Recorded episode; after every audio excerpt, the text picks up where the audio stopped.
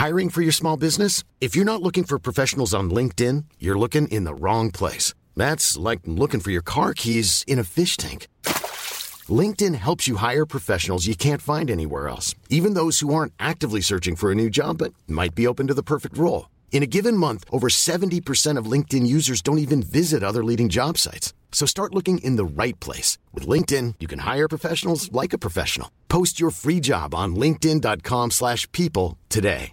Hey, it's Ryan Reynolds, and I'm here with Keith, co-star of my upcoming film, If, only in theaters May 17th. Do you want to tell people the big news?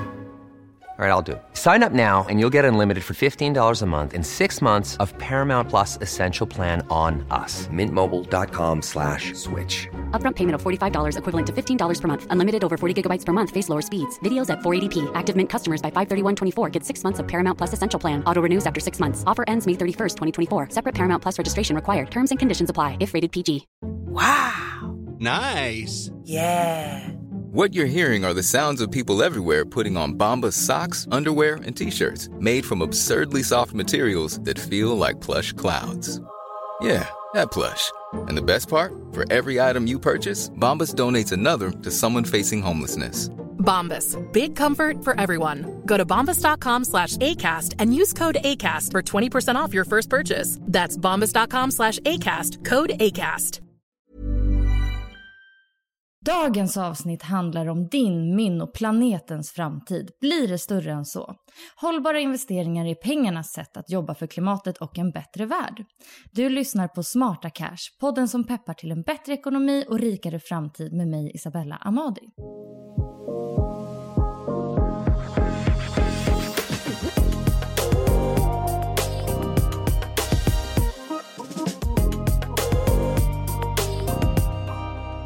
Man kan ju som bekant höra av sig till mig på Instagram där mitt konto heter Smarta Cash Podcast. Och topp tre ämnen som ni lyssnare har önskat och velat höra mer prat om är just hållbarhet eh, och hur man kan ha en hållbar profil i sina investeringar. Och därför har jag nu ordnat en hel halvtimme att frossa i detta underbara område. Och jag har äran att presentera en av de kunnigaste inom hållbara investeringar, nämligen Josefin Johansson som är ansvarig för hållbarhetsanalys på Handelsbanken Aktieanalys. Välkommen Josefin! Tack så hemskt mycket. Vad roligt att få vara med. Jättekul att ha dig här med det här liksom dunderheta ämnet. Kan inte du berätta lite om eh, vad du gör och ditt jobb?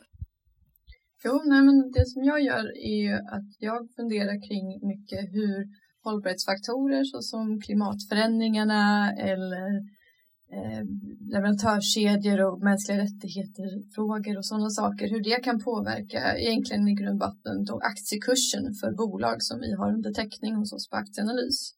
Eh, så det är väl det som jag spenderar mycket av min tid på. Men sen också så är jag ansvarig för att få fram lite mer hur ska vi strategiskt kunna ta oss an det här när vi gör värdering av bolag och ger rekommendationer då om man ska köpa, behålla eller sälja ett företag. Så att, Eh, det är väl det som jag spenderar allra min mest tid på. Sen är det också lite rådgivning till, till företag kring hur man strategiskt kan tänka kring hållbarhetsfrågorna.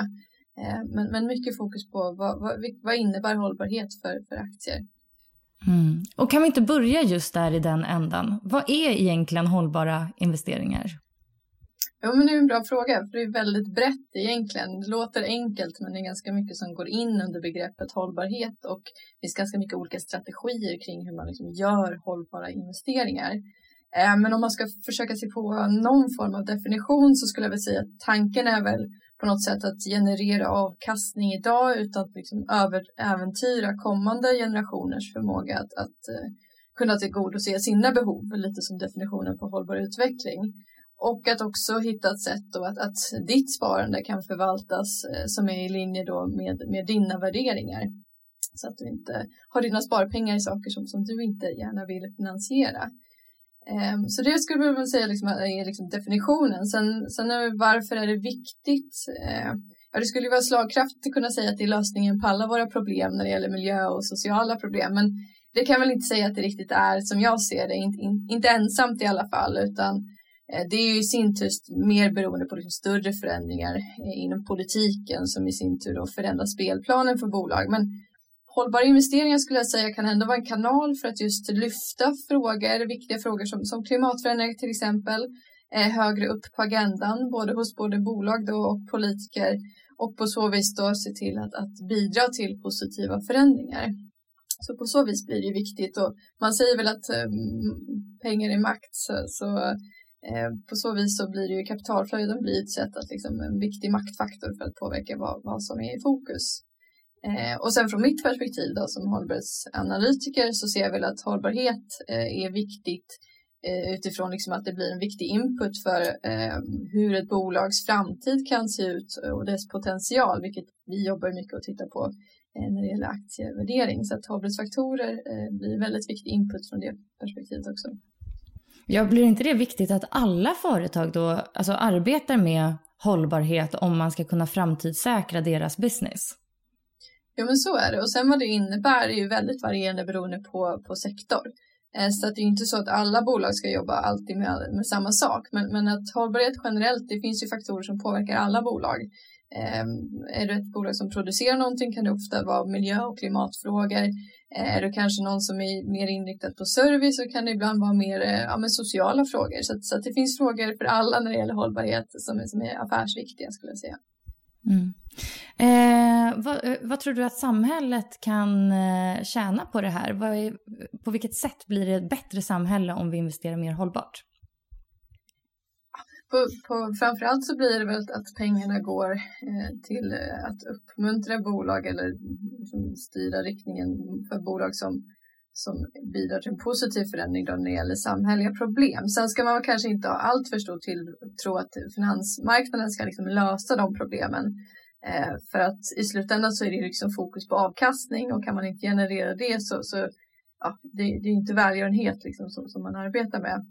Så det är väl inte som jag sa tidigare, det är inte lösningen i sig, men, men det kan bidra till att liksom eh, öka trycket åt att liksom, vad ska vi vara på väg eh, och att då göra det eh, åt ett mer hållbart perspektiv. Men det är också avhängt på att det ska vara bra för affärerna och är det inte det så kan det genast bli lite problem att, att använda just eh, kapitalmarknaden som, som liksom en, en, ett styrmedel där. Då behöver man liksom politiskt input eh, som sätter spelplanen så att det blir det som blir gynnsamt är att liksom agera hållbart. Mm.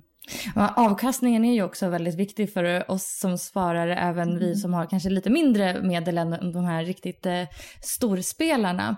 Hur mm. väl presterar eh, företag med hållbarhetsprofil? Det är lite blandade eh, liksom, eh, slutsatser där. Man får kanske intrycket av att det alltid ger högre avkastning i hållbara investeringar. Men jag skulle säga att rent akademiskt så visar väl studien på en ganska blandad bild. Vissa får fram att man, man får högre avkastning av hållbara bolag eller hållbara fonder. Medan vissa visar att, att man kanske inte har så jättestor skillnad mellan hållbara fonder och vanliga fonder eller hållbara bolag och, och icke hållbara bolag eller ja, någonstans där mittemellan. Eh, så att just när det gäller avkastning är det ju lite oklart eh, än så länge, i alla fall när det gäller liksom studier.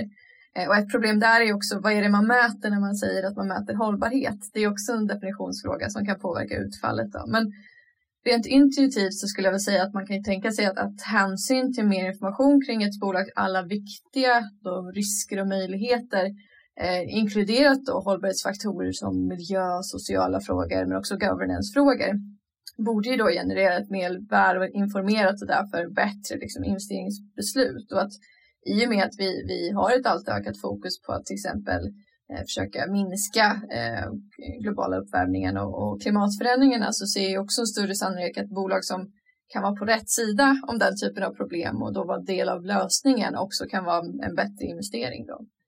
Ehm, så, så att, eh, man kan inte säga att det är garanti för bättre avkastning, men eh, att eh, kunna liksom bidra till att vara en del av lösningen öppnar också upp för att man har kanske en bra affär för, för bolaget och i sin tur då kan vara en bra investering att, att kika på. Mm. Ehm. Men det har ju varit lite spännande utveckling nu efter coronakraschen. Då har det ju gått väldigt, mm. väldigt bra för många eh, gröna bolag. Jag tänker på liksom både så här, energibolag, så här, green tech, eh, nästan allting som haft en klimatvänlig profil har ju liksom gått upp. Och sen så började det gå ner lite grann. Mm. Hur kan man resonera kring det och liksom den kommande prognosen nu? Ja, dels kan man ju resonera att, att liksom, om det, någonting går upp väldigt mycket så brukar det komma en, en korrigering där det går ner lite grann igen.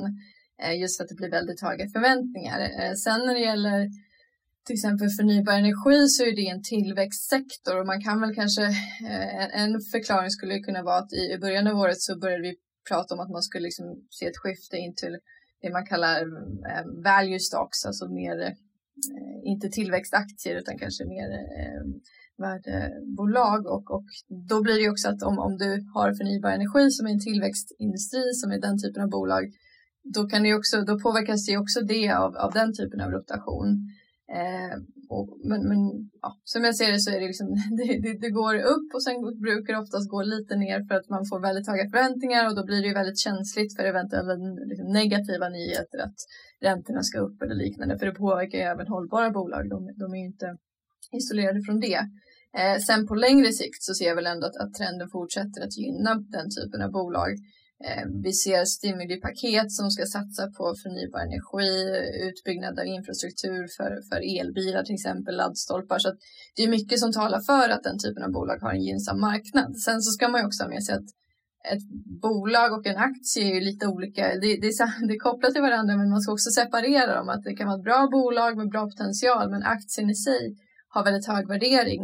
Så att liksom förväntningarna är redan inprisade så det kanske inte finns så mycket mer att hämta där. Så att då kan det ju på kort sikt eller ibland på längre sikt också vara kanske en dålig investering även om det är ett bra bolag. Just för att det redan är liksom så höga förväntningar i aktiekursen. Mm. Då blir det kanske en, en risk man får ha med i beräkningen. Vad fler för risker borde man ha med sig när man, när man investerar? Och nej, men precis med, med investeringar generellt så, så beror det lite på vad du investerar i, vilken typ av risk det finns. Men eh, precis som icke hållbara bolag så finns det liksom ingen garanterad vinst här. Eh, det, det, är samma sak när det gäller hållbara investeringar då. Eh, sen kan det väl finnas en ökad risk att man kanske råkar på sådana här lite mer överhypade investeringar där just förväntningarna är superhöga och fundamenten eller själva liksom, bevisföringen för det kanske inte är lika stark än så länge. Eh, och där kan det bli väldigt dyra aktier då och eh, inte alltid att bolagen kanske kan leverera på de förväntningarna. Och då finns ju en ökad risk då i en sån hypad bransch som till exempel ja, förnybar energi eller vi har också sett samma sak för grön vätgas att, att det blir liksom, ja, kanske inte, även om det är en intressant och växande marknad så finns det då eh, investeringar som inte blir jättebra just för att det varit så himla hög värdering. Eh, sen finns det också en risk att man råkar på bolag som, som kanske utgör sig för att vara mer gröna än vad man faktiskt är. Jag håller på med det man brukar kalla för greenwashing eller grönmålning på, på svenska. Eh, och det finns ju en risk just med hållbara investeringar att man, man går på en nit där, att man tror att det är hållbart och sen visar det sig att det var inte det. Eh, så det är väl också en risk som just när det gäller hållbarhet eh, är, är lite mer tydlig. Har du något exempel på vad greenwashing rent konkret kan eh, innebära? Om, om, om, man ska, ett exempel är ju till exempel då eh, ja, Volkswagen när de hade sin utsläppsskandal. Innan det så hade man ganska hög svansföring i liksom hur hållbar man var och sådär. Och då hade man helt enkelt försökt att få det att verka då att ens produkter var mer miljömässigt hållbara än vad det faktiskt var. Och där har man ju till och med gått in och mixtrat då med, med eh, teknologin för att det skulle se ut så. Kanske inte alltid så avancerat när det gäller greenwashing, men det handlar ju om att man liksom utger sig för att vara mer miljövänlig än vad man egentligen är och att man kan inte riktigt backa upp det sen i, i vetenskapen till exempel, att det faktiskt är så som är fallet. Eh, mm. Och, och även om det inte då råder, sig, råder liksom, även om det inte handlar om fusk så kan det då vara ful marknadsföring eller vad man ska säga. Precis, eller att man liksom kanske överdriver lite eller kallar någonting för grönt när det egentligen kanske inte är det är inte så att det bidrar till en bättre miljö utan det är mindre dåligt än alternativet. Så, så det är väl sådana saker också som, som det kan bli eh, problem med när det gäller just greenwashing. Mm. Hur säkerställer man då att det man investerar i faktiskt är hållbart? Om man ska vara lite cynisk skulle jag säga att det kan man inte riktigt säkerställa fullt ut utan det finns väl alltid en riskfaktor där. Eh, men, men det man kan göra för att minska risken att, att liksom motsatsen skulle vara fallet då, att det är verkligen inte grönt, när det gäller bolag, eh, för det är bolag som jag, jag kanske har bäst tips på då, det är väl dels att jämföra mot konkurrenter, verkar man liksom ligga i linje med vad andra gör eller är man faktiskt bättre till exempel när det gäller att reducera sina utsläpp eh, av växthusgaser eller, eller liknande. Eh, också om man kanske kan backa upp sådana här eventuella gröna påståenden då eh, i, i liksom vetenskapliga studier eller vad finns det för bevis för det här? Eh, och då kanske man kan gå utanför och se om det finns några studier som, som inte då bara lyfts fram av det här bolaget utan som är mer oberoende. Sen ska jag väl också säga att, att eh, rapporter från på sektorn eller också även bolaget i sig kan ju finnas från, från eh, eh organisationer som WWF till exempel kan ju också hjälpa till att få liksom ett annat perspektiv på det här. Eh, just för att de kanske kan lyfta fram problem då som, som inte bolagen alltid är lika aktiva på att belysa. Eh, så att söka information utanför det bolaget själva säger skulle väl vara ett bra tips. Och det kan man hitta dels från sådana organisationer som UVF eh, men också kanske försöka söka på om det finns några studier gjort på att det här skulle faktiskt vara bättre. Om man ska tänka fonder så är det kanske inte lika bra med många tips för jag tittar ju mest på bolag men, men ett sätt att liksom försöka se till att, att ändå har någon form av hållbarhetsintegrering i, i sin strategi är ju faktiskt att läsa vad är fondens strategi och har man några exempel på hur man faktiskt implementerar den. Eh, sen kan man också kika närmare på vad innehaven i en fond är eh, för att se om liksom hur, hur eh, skiljer de sig från, från en fond som inte är hållbar. Eh, Men det där är ju också väldigt, väldigt intressant. För när man tittar på fondernas innehav ibland så kan vissa hållbara fonder deras innehav kan vara väldigt lika typ en annan Sverigefond till exempel. Alltså mm. hur kan det vara så? Men dels kan det ju vara så att, att man har en strategi som man, man brukar kalla för ESG-integrering, att man helt enkelt tar hänsyn då till miljömässiga, sociala och ägarstyrningsfaktorer i sin analys, i den fundamentala analysen.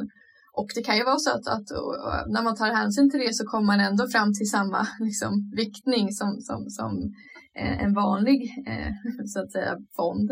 Eh, så det kan ju vara fallet. Sen kan det också vara att man kanske arbetar mer med så kallad liksom påverkansdialog, att man försöker då vara med att, att påverka bolagen så att de ska implementera mer Eh, ja, till exempel mer eh, åtgärder för att reducera sina utsläpp eller att förbättra sina policies när det gäller leverantörskedjor för att minska risken där. Så det kan ju också vara så att man har ett mer aktivt arbete då i, i dialog med bolagen för att pusha för den här typen av saker. Eh, och sen kan det också vara att man har tydligare riktlinjer för hur man ska agera om det uppstår eh, någon form av incident kopplat till till exempel ja, men, arbetsrättsliga frågor eller, eller miljö, att man, man har mer tydlig direktiv där. Och i vissa fall så är det tyvärr lite oklart då vad skillnaden är. Det är inte alltid eh, helt tydligt tyvärr. Mm. Alltså kan man inte nästan tycka att alla borde vara hållbara, alla fonder borde vara hållbara och sen de som inte är hållbara borde heta ohållbara? Jo, det, det kan man väl tycka och nu är jag lite biased då för att jag jobbar med hållbarhet. Eh, men, men det som vi ser nu det är väl att just ja, till exempel EU tar mer krafttag för att göra att det ska bli enklare att se liksom, vad är en hållbar fond och att kunna jämföra det. För det, det, är, det är inte helt lätt idag. Och där kan man väl säga att, att det blir också lite då att man, man inte hänger ut men man belyser ju också vilka som inte tar hänsyn till hållbarhet då i, i sina investeringsbeslut. Så att lite den utvecklingen ser vi väl men, men än så länge så är det kanske inte att man, man då får labla sig som non-sustainable utan det är väl mer att man måste då avslöja så att säga att man inte aktivt tar hänsyn till det här. Men, men lite den utvecklingen ser vi ändå. Nu ska vi fokusera lite mer på aktier och eh, djupdyka i tre olika, olika case som du har tagit med dig hit. Eh, men mm. först så måste jag ju få fråga dig, alltså hur hittar man hållbara bolag att investera i? Ja, men det, det, är inte helt lätt alltid att veta liksom, vad ska vi, vi eh, ta fram här. Men en, ett sätt skulle jag säga är att eh, ja, men om man ska titta på, på enskilda bolag. Om man gillar någon fond så kan man ju kika på innehaven i den för att få inspiration. Eh, till exempel om man vill investera i förnybar energi så kanske man kan hitta en förnybar energifond och se vilka innehav har den fonden. Eh, det kan ju vara eh, ett bra startpunkt. Eh, sen skulle jag väl också säga att om man vill liksom hitta investeringsteman så, så skulle jag i alla fall kika på de här FNs globala mål för en hållbar utveckling. Det är 17 stycken och sen så finns det ännu fler då, såna undermål eh, kopplat till det. Och, och, och, och de är en bra utgångspunkt för många pratar om dem som världens största köporder. För att kan du bidra till att lösa de här problemen då, då finns det liksom affär i det. Och där så har man ju också släppt från FN en rapport. Den kom 2017 så den har några år på nacken men ändå aktuell skulle jag säga som heter Better Business Better World. Och där på sidan 28 eh, så, så, har man faktiskt gjort en översikt då på, på de 60 största affärsmöjligheterna eller marknadsmöjligheterna som man kollar, kallar det för kopplat till då de här globala hållbarhetsmålen. Så det kan vara bra inspiration att liksom hitta vad, vad, vad, behöver vi för lösningar så att säga och sen söka på sektorer som skulle kunna bidra till det och då brukar man lätt börja hitta bolag också i, i kopplat till det. Eh, så det skulle vara två tips till liksom, hur man hittar bolag. Sen dyker det upp lite tips i media då och då eh, och där, det kan ju också vara användbart men där ska man också kanske ha lite, lite extra hedge för att det kan vara liksom lite mer hypade aktier för då är det många som har fått det namnet framför sig också. Eh, så det kanske redan har, har det tåget kan ibland ha redan gått då. Mm. När du analyserar ett bolag så gör du ju säkert en väldigt omfattande research på det. Men som småsparare, alltså, har du några eh, parametrar som kan vara bra för oss att hålla koll på när man gör sin analys av hållbara bolag? Ja, men, men eh, från mitt perspektiv så är det, det, det viktiga är liksom huruvida affären rimmar väl med hållbarhetsfaktorer eller inte. Sen kan man ju också titta i bolaget, det är också viktigt, men, men mitt fokus är mycket liksom hur, hur påverkar det här ett bolags affär? Och om man vill göra en sån analys så skulle jag väl säga att börja, innan man dyker på, på liksom års och hållbarhetsrapporter så skulle jag vilja zooma ut och försöka fundera över liksom vilka huvudsakliga risker och möjligheter är viktiga för just den här sektorn. För man har inte tid kanske att titta på allt, så försök att definiera några punkter som det här verkar vara det som är viktigt. Och ett verktyg som finns tillgängligt då för, som kan vara till hjälp det är Sustainability Accounting Standards Boards. De har standarder för olika industrier då, vilka faktorer som kan ses som, som viktiga. Eh, sen är de ingen absolut sanning, men det kan ändå vara en bra start om man vill ha liksom, inspiration. Där, sen kan man också titta i bolagens rapporter om man tittar på flera i samma sektor för då brukar de ha så analyser vilka är de viktigaste faktorerna och ser man att flera bolag lyfter fram samma saker då kan man ju anta att det kanske är sånt som är viktigt också. Så, så det kan vara ett sätt att liksom hitta vad är det man ska fokusera på när man tittar på det här bolaget. Eh, för det finns ofta mycket information och det stora problemet är att liksom sålla i den. Eh, sen så när man då väl har, har lyckats identifiera det så skulle jag vilja säga att ja, man börjar titta på om, om bolaget faktiskt adressera den här typen av risker och möjligheter. Man kanske inte har löst alla problem idag men att man verkar ändå vara liksom, ha medvetenhet och ha målsättningar till exempel på de här områdena. Sen också jämföra med konkurrenter, verkar man ha bättre eller sämre lösningar och det är samma sak också när det gäller interna arbetet. Att om man pratar om att, att man ska minska sina utsläpp verkar man ha liksom en bättre utveckling där än sina konkurrenter. Hur ser det ut där? Eh, sen kan det också vara bra att dubbelkolla lite så att bolaget inte har några pågående liksom, skandaler eller incidenter. Eh, för det kan ju också dels vara dåligt för, för liksom, ryktet men, men också eh, kan ju generera kostnader i termer av liksom, böter och liknande. Så det, och där är Google din vän, att liksom, bolagsnamn plus skandal så brukar man kunna hitta eh, lite sådana nyheter om det skulle finnas. Då. Och sen ska jag väl också rekommendera att eh, när du tittar på hållbara investeringar och gör den typen av analys, glöm inte heller bort värderingssteget, att liksom titta på att eh, vad, är det här bolaget värderat till och varför tror jag då att, att det skulle, en sån värdering är antingen för låg eller för hög och, och just att man inte, ja men det här var ett hållbart bolag, nu investerar jag i det, utan glöm inte den finansiella aspekten också. Eh, just för att om du ska göra en bra investering så är det också minst lika viktigt. Då. Mm, absolut, det, det, det vanliga ska med också. Men låt oss nu titta då på de här tre aktiecasen som du har tagit med dig hit. För jag bad ju dig att ta med ett bolag som redan är grönt i sin affärsidé, ett bolag som är under omställning och ett bolag som jobbar aktivt med sociala värden. Så vi kan väl börja med eh, det gröna bolaget. Vad har du Josefin? Ja. Ja, men ett bolag som, som redan är grönt och det kommer kanske inte vara något superskräll. Eh, många har nog stött på det här bolaget tidigare. Det är en dansk tillverkare av just vindkraftverk som är Vestas. Och eh, det är ju vindkraftverk så att det är liksom en grön idé, det är förnybar energi. Sen så ska man ändå säga att det finns hållbarhetsutmaningar kopplat till det också.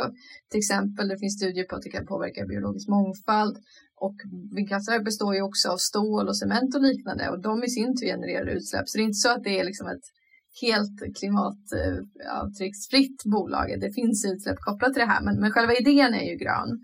Eh, och det här är ju ett bolag som redan idag då också ser en väldigt hög värdering och som, som många då eh, är intresserade av att investera i. Eh, men, men ändå, det är ju ett case som är liksom grönt redan idag. Eh, och jag tog faktiskt med mig två case där, för jag tänker det är ett bra exempel, det är kanske lite uppenbart. Men ett annat är ju Tomra som också är sånt där eh, klassiskt hållbarhetscase då, som är grönt och det är i sin tur då, det, då är det inte lika mycket fokus på, på, på förnybar energi utan istället då cirkulära lösningar för, för material och de håller på med då lösningar för returhantering. Så att till exempel pantmaskinerna som man stöter på på ICA eller Coop eller vad man nu handlar, de brukar ofta komma från Tomra. Så det är också en sån liksom, grön affärsidé att återvinna eh, och kunna bidra till det. Eh, men igen då, hög värdering på dem eh, för att det just den typen av idéer är eftertraktade helt enkelt.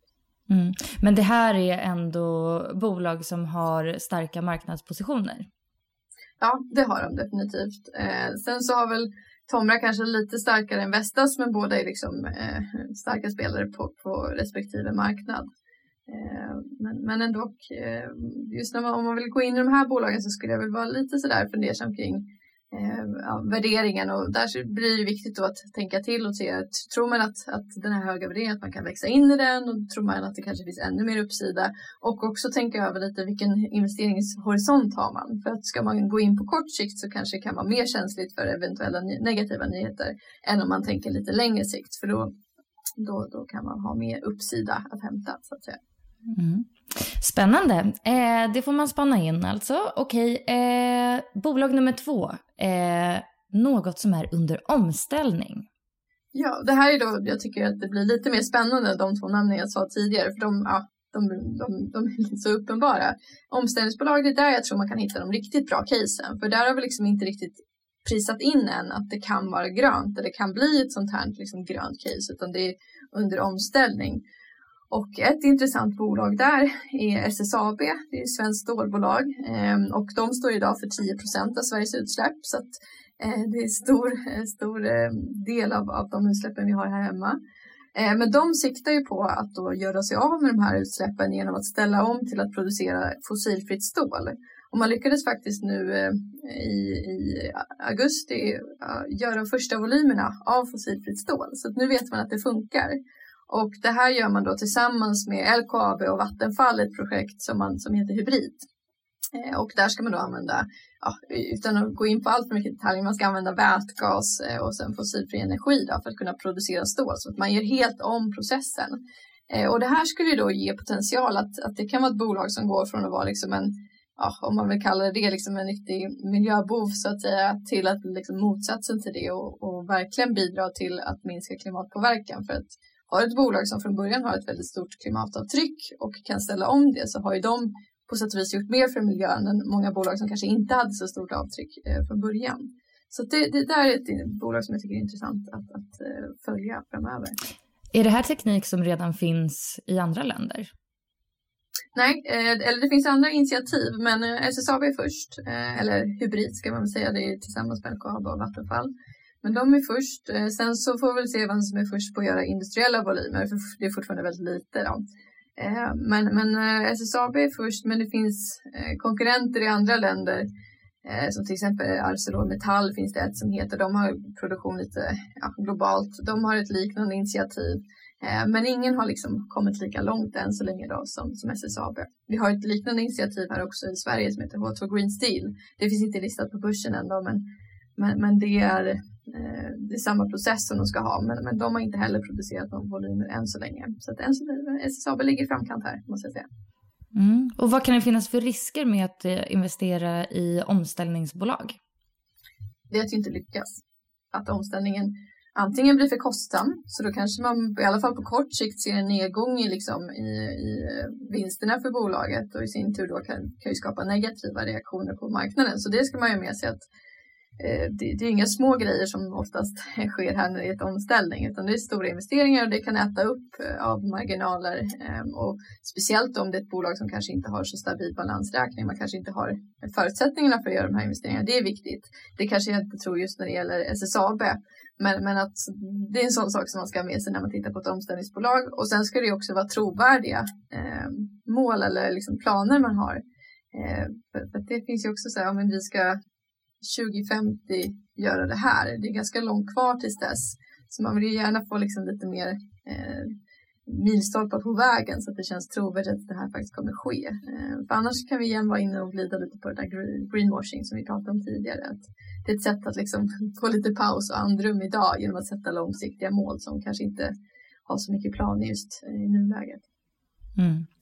Eh, grymt. Och så sista exemplet då, ett bolag som jobbar aktivt med sociala biten. Vad har du där? Ja, den är lite svårare tycker jag. Dels för att jag tittar kanske framförallt då på miljödelen eh, när det gäller hållbarhet. Eh, och sen så när det gäller just social hållbarhet som till exempel om man pratar jämställdhet eller antidiskriminering och liknande så är det ju någonting som många bolag jobbar med i sin verksamhet men kanske inte något man, man per se liksom tjänar pengar på som är affärs eh, Eh, modellen så. Eh, men ett möjligt exempel eller sektor man kanske kan hitta den typen av, av, av investeringar är inom hälsovård. Ehm, där har vi ju bland annat ett exempel i Getinge som gör ja, de gör många saker, men respiratorer är en sån sak. Och de gav i år ut en så kallad social obligation. Och det är då ett, ett eh, lån som man tar, om man ska förenkla väldigt mycket, ett lån som man tar på börsen. Och då så, just när man säger att den är en social obligation, så fastställer man att pengarna ska gå till specifika projekt och i det här fallet ska det gå till då utöka produktion av produkter som bidrar till behandling av, av corona då, eller covid-19. Eh, såsom respiratorer eller produkter som används i samband med tillverkning av, av läkemedel som vaccin. Eh, så det kan ju vara en sån sektor där man kan hitta den typen av, av case. En annan eh, sektor är liksom utbildning. Eh, men då när det gäller liksom sociala faktorer så kanske man kan trycker allra mest på att eh, när det gäller en social investering så handlar det kanske inte bara om att vara inom hälsovård eller vara inom inom utbildning att man kanske också gör någonting extra, att man möjliggör utbildning i utsatta områden eller eh, man försöker hjälpa fram eh, öka liksom kompetensen hos, hos grupper som kanske annars inte har fått så mycket uppmärksamhet. Så jag skulle säga att om man ska sticka ut lite där så räcker det inte bara med att vara i den sektorn utan kanske också att man har lite mer engagemanget eh, än vad man ser hos andra. Mm. Intressant. Så spännande och tack för att du tog med de tre fi, eh, fina exemplen. Eller ja, några fler blev det ju faktiskt. Ett till extra. Ja, ja väldigt bra. Bra fusk, det gillar jag. Eh, har du tips på, alltså, om man vill lära sig mer om hållbara investeringar, har du tips på var man kan börja rota? Så böcker, poddar, tv. Vad tänker du? Om man vill liksom fylla sin värld med hållbara investeringar, hur gör man? Ja, det är ingen brist på information där skulle jag säga. Det, det finns väldigt mycket. Eh, men om man ska börja liksom grunderna och försöka förstå begrepp och sånt så skulle jag säga att just Investopedia är liksom en bra källa för att söka upp men vad finns det för strategier, vad betyder det här? Eh, så det kan vara ett sätt att liksom titta upp det. Sen tycker jag också Nordsip eller Nordic Sustainable Investments, de har en hemsida som har en hel del intressanta rapporter och också kan man läsa nyheter som är kopplat till liksom hållbar finansiering och investering. Eh, så, så att de två källorna tycker jag väl ändå är bra. Sen finns det ju många, många fler så, att, så det är inte bara dem, men det är väl två exempel. Men Josefin, så himla, himla, himla fint att du ville vara med i den här podden och liksom ge en introduktion och lite också fördjupad kunskap i det här med hållbara investeringar. Tack! Tack själv för att jag fick vara med. Grymt. Och så måste jag ju tacka dig som har lyssnat på det här avsnittet också. Du får jättegärna följa mig på Instagram, Smarta Cash Podcast eller skriva till min mail om det passar bättre, smartacashpodcast.gmail.com. Tack för idag. Hej då!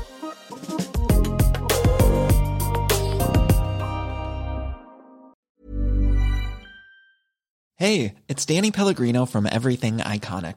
Ready to upgrade your style game without blowing your budget? Check out Quince. They've got all the good stuff shirts and polos, activewear, and fine leather goods, all at 50 to 80% less than other high end brands. And the best part? They're all about safe, ethical, and responsible manufacturing. Get that luxury vibe without the luxury price tag. Hit up quince.com slash upgrade for free shipping and 365 day returns on your next order. That's quince.com slash upgrade. Hey, it's Paige DeSorbo from Giggly Squad. High quality fashion without the price tag. Say hello to Quince. I'm snagging high-end essentials like cozy cashmere sweaters, sleek leather jackets, fine jewelry, and so much more. With Quince being 50 to 80% less than similar brands. And they partner with factories that prioritize safe, ethical, and responsible manufacturing. I love that. Luxury quality within reach. Go to quince.com slash style to get free shipping and 365 day returns on your next order. Quince.com slash style. Imagine the softest sheets you've ever felt. Now imagine them getting even softer over time That's what you'll feel with Bowl and Branch's organic cotton sheets. In a recent customer survey, 96% replied that Bowl and Branch sheets get softer with every wash. Start getting your best night's sleep in these sheets that get softer and softer for years to come. Try their sheets with a 30-night guarantee. Plus, get 15% off your first order at bowlandbranch.com. Code BUTTERY. Exclusions apply. See site for details.